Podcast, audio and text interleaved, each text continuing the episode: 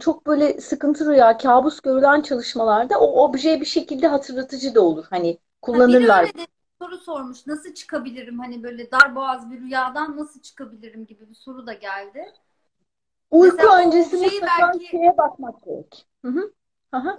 o objeyi kullanarak belki hani ya da o çapayı kullanarak belki. Evet, e, iki şey çok işe yarıyor sıkıntılı rüyalarda. Bir tanesi şu, e, uykudan önce sıkıntılı rüyayı canlandırmak. Yani hani gördüğüm o şeyi hani mesela karanlık bir sokakta birisi kovalıyor. Uykuya geçmeden önce böyle bir eşikteysem, böyle rüyalar sık görüyorsam, yani yarı bilinçli halde uykuya geçmeden önce işte karanlık bir sokakta tak diye ışık yakmak. İşte birdenbire dönüp arkana bakmak. Hani Ha. bu hani o şey meselesi var ya işte doktorlarla bir tek bu konuda örtüşüyoruz gerçekmiş gibi algılamak. Hani beyin bunu gerçekmiş algısı. Gerçek neyse hani gerçekten hakikat aynı şey değil ama gerçekmiş gibi algılıyor. O zaman bu şey getiriyor. Bu bir e, bu algının hani bu görüntünün değişebileceğini getiriyor. İkincisi de otohipnoz yöntemleri. Hani Hmm. e, kabus gördüğümde uyanmak istiyorum. Kabus gördüğümde uyanmayı seçiyorum gibi. Bu da eski bir yöntem. İkisi de sıkıntı rüyalarda çok işe yarayabilir. Ama şey kullanabilir. Ya bir metal bir şey ya da hani bir metal obje olabilir.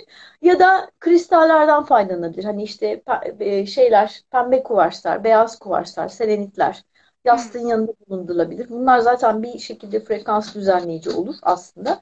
İkisi de kullanabilir onun için. Denemekte fayda var ama Inception bunun şey özeti. Yani bu Inception direkt olarak bu konuyu anlatıyor aslında. Hani onu önerebilirim o yüzden. Üzerine saatlerce konuşuruz zaten Inception'ı. Bir gün yaparız programını. Bir gün ayrıca konuşuruz onu. Inception mi filmi? Hatırlıyor musun bu arada?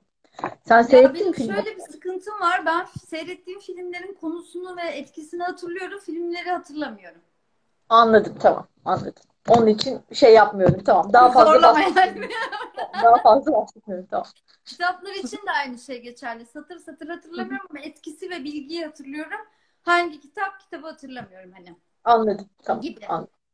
Ee, şey bu kristallerden bahsettin. Şimdi ben yine en iyi referans noktam hep kendim hani deneyimlenen bilgi en iyi bilgi. Tabii ki. Hı hı.